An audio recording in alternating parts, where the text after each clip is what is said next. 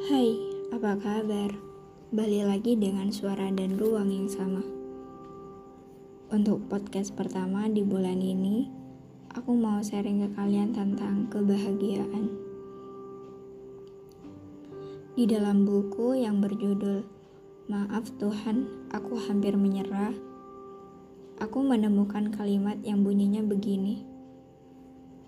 Kebahagiaan itu adalah pilihan saat kamu memutuskan untuk bahagia dengan apa yang kamu miliki sekarang, tak peduli sesederhana apa pun itu, maka kamu akan bahagia. Ya, itu benar. Ketika kamu memilih bahwa kebahagiaan itu bukan segalanya tentang yang wow, maka hal sederhana yang ada dalam hidupmu juga kebahagiaan.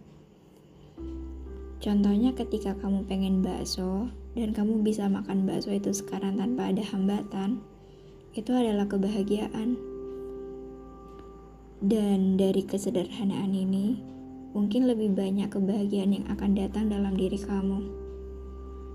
Karena kamu tidak membutuhkan sesuatu yang wow untuk bisa bahagia. Dan ingat, kebahagiaan akan sulit jika kamu mencarinya pada orang lain. Kenapa? Karena orang lain tidak selamanya ada di sisi kamu, dan orang lain juga sedang kepayahan dengan dunianya masing-masing. Jika mereka pergi, maka kebahagiaan kamu akan hilang. Dan di dunia mereka bukan cuma tentang kamu, tetapi ada banyak hal yang harus mereka jalani. Jadi, mulai sekarang Belajarlah untuk tidak mencari kebahagiaan pada orang lain.